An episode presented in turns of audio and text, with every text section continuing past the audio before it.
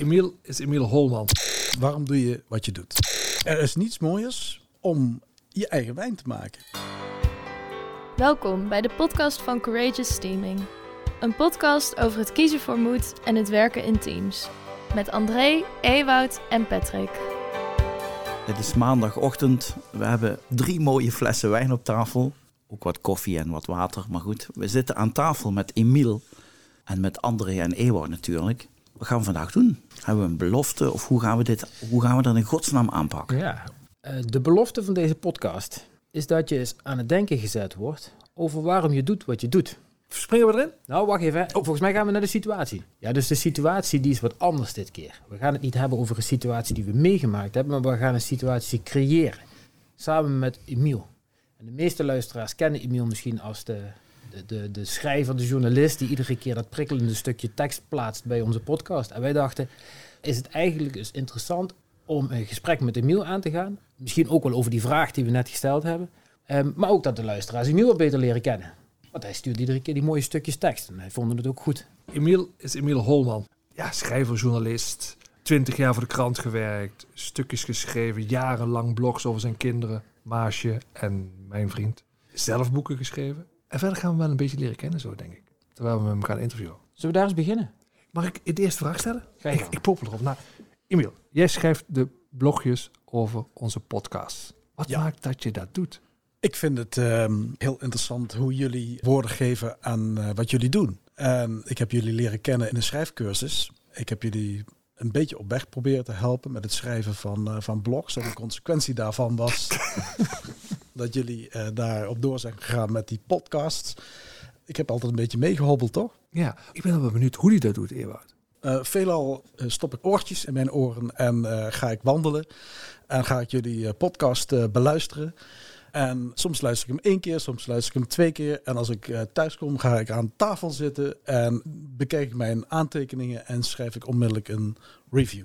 We, gaan er zo even op door. Hè? Dus wij dachten, even in lijn met de vraag die we, die we in het begin stelden. Voordat we gaan uitvinden eigenlijk waarom je de dingen doet die je doet. Natuurlijk zijn we er al een beetje op ingegaan.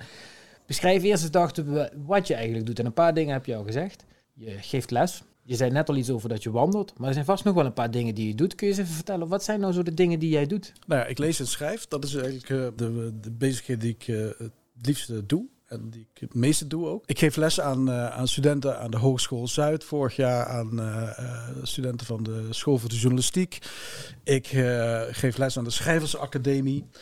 Tegelijkertijd schrijf ik voor allerlei opdrachtgevers. voor Zout, Cultureel Magazine.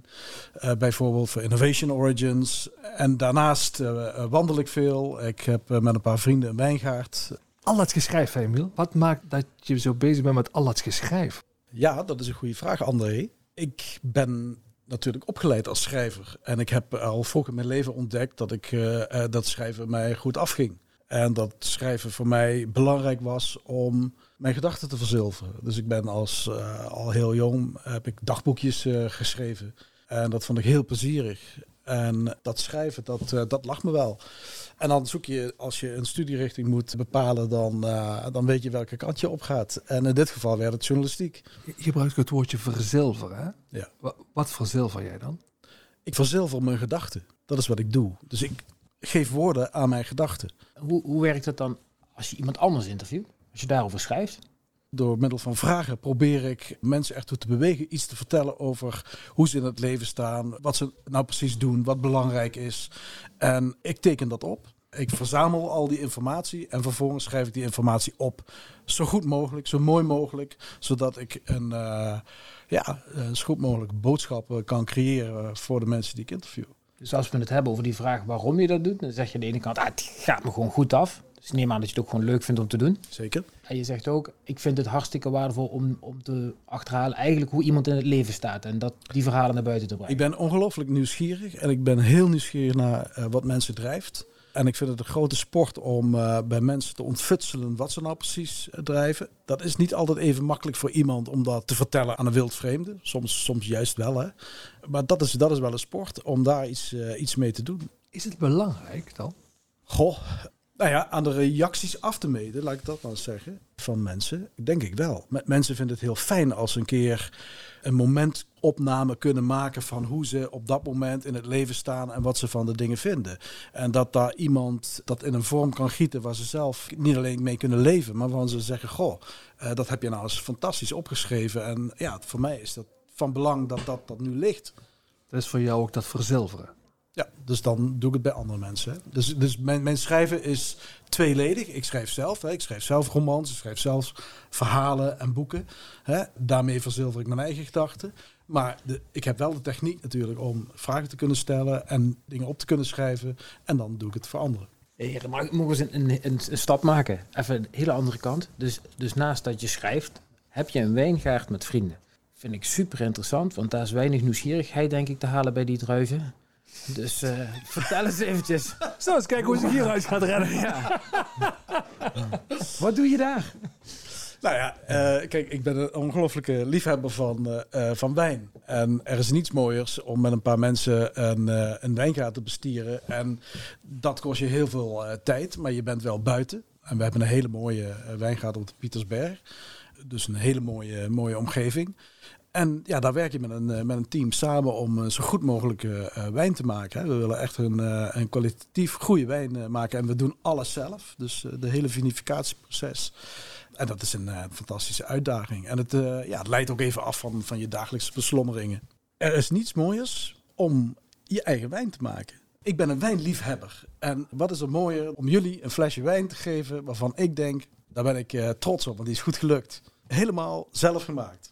En geldt dat ook voor het schrijven? Er is niets mooiers dan een eigen boek te schrijven? Ja, ik denk dat als je me dat op de man af zou vragen, is het hoogste goed is wel het schrijven van een eigen roman. Omdat je die helemaal uit jezelf trekt. Ja, zeker. Ik moet even terug naar die wijngaard. Je zei er ook iets over. over ja, ja maar, nou, ik ben benieuwd hoe het wijntje smaakt. Dankjewel daarvoor trouwens. Mm -hmm. Maar ik ben ook wel ook nieuwsgierig. Je noemde dat ook het woord. Dat is ook een beetje een team waar je dat samen doet. Ja. Wat, wat betekent dat voor je? Je, kunt het niet alleen. Hè. Dus de, het is heel veel werk. Het is heel veel uh, kennis die je moet, uh, moet vergaren en toepassen. Je moet heel veel beslissingen nemen. Om je een idee te geven, we hebben 250 struiken. En elke struik is anders. Het heeft ander licht, heeft, staat op een andere plek. Moet je anders behandelen, heeft andere groeiprocessen. Hè. Dus er is heel veel om te bespreken. En dat moet je samen doen. Het gaat natuurlijk over Emiel vandaag, maar jij blijft teruggaan naar die struik en naar de wijn. En jij blijft teruggaan naar journalistiek. En ik merk dat op het moment dat ik over de struik ga, denk nou, het zal wel, dan ga ik achterover. En op het moment dat ik over journalistiek ga, kom ik weer naar voren. Wat maakt nou dat jij iedere keer, Ewout, terug wil naar die, naar die wijn en naar die, die passie daarvan? Ik wil echt begrijpen, naast dat ik geloof dat het echt iets van ongekende waarde of energie geeft en zelf zo'n wijn te maken, mm. wat er nog meer achter zit, wat het voor hem betekent. Ik was vooral nog even benieuwd naar, zeg maar, hij noemde dat woordje team samen van wat die verbinding, die groep daarvoor hem betekent. Ja, nou misschien moet je het zo zien. Ik vind het fantastisch om iets te creëren. Als je een boek schrijft, doe je dat in je eentje. Je creëert van begin af aan, je werkt er jaren aan en uiteindelijk heb je een, roman. Uh, hier creëren we een wijn. We hebben druiven en aan het eind van de rit hebben we een fles wijn die uh, verdomd goed smaakt. In beide gevallen geeft dat een enorme voldoening. Als we nu eens even naar een neutraal terrein gaan, Patrick. Het schijnt dat je ook wandelt. Ja. Kilometers of 11 het afgelopen jaar? Elke dag 11 kilometer. 365 dagen lang? Ja. Al twee jaar, vorig jaar was één kilometertje minder, dus je bent een ambitieus man. Wat brengt jou ertoe om iedere dag, weer of geen weer, 11 kilometer te gaan wandelen? Nou, om te beginnen is het gewoon een fysiek iets. Voorheen fietste ik heel veel of met enige regelmaat, maar daar kwam ik te weinig aan toe. En uh, ik zag er steeds tegenop om weer uh, mijn wielerlingerie aan te doen en zo. En mijn bandjes op te pompen.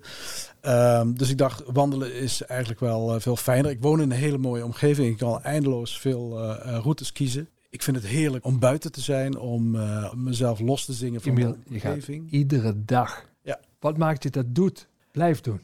Anders verzandt het zo snel in een, een ommetje en dan maakt het niet uit. Ik, uh, ik wil een fatsoenlijke wandeling maken. Ik wil echt dat ik uh, fysiek beter van word, dat het in mijn hoofd leger wordt, dat ik mijn omgeving goed leer kennen. Het is eigenlijk letterlijk de ramen opgooien. Ik heb het gevoel alsof, ik, alsof er een wind om mijn hoofd gaat. Ik kan veel beter nadenken over de dingen. Dus de, creatieve ideeën, zeg maar, die haal ik wel een deel weg uit dat wandelen afgezien daarvan vind ik het ook heerlijk om gewoon, uh, want ik wandel veelal alleen. Dat vind ik ontzettend prettig. Het gaat zelfs zo ver. Als ik er echt niet aan toe kom, dat betekent dat ik de volgende dag 22 kilometer moet lopen. Nu heb je me ooit eerder verteld dat je het ook wel eens in het donker doet. Ja, wandelen in het donker is een enorme sensatie, omdat je, uh, je zintuigen staan uh, volkomen strak. Uh, je hoort alles, je ziet alles, er ritselt van alles om je heen. er komt een soort spanning van je, van je meester. Ja, dat is een enorme, enorme sensatie. Ik geniet daar wel van. We hadden beloofd hè, dat het ertoe doet als je erachter bent, waarom doe ik wat ik doe? Ja. Wat maakt jou blij dat je dit kiest? Ja, het heeft te maken met een soort bewustzijn. Ik, ik probeer bewust te zijn van de dingen die ik doe. En dat vind ik wel belangrijk om voortdurend uh, in de smiezen te hebben. Nou weten we, je hebt 2000 studenten fotografie en die zeg je naar buiten met jullie. Dus je geeft ze een opdracht mee. Ja. En je geeft ze altijd één vraag mee, zei je? Ja. Wat is die vraag? Die vraag is, waarom doe je wat je doet? En wat maakt dat jij vindt, die vraag moet je echt stellen? Omdat dat uiteindelijk, als je daar een fatsoenlijk antwoord op krijgt, dan laat degene die je de vraag stelt heel veel van zichzelf zien.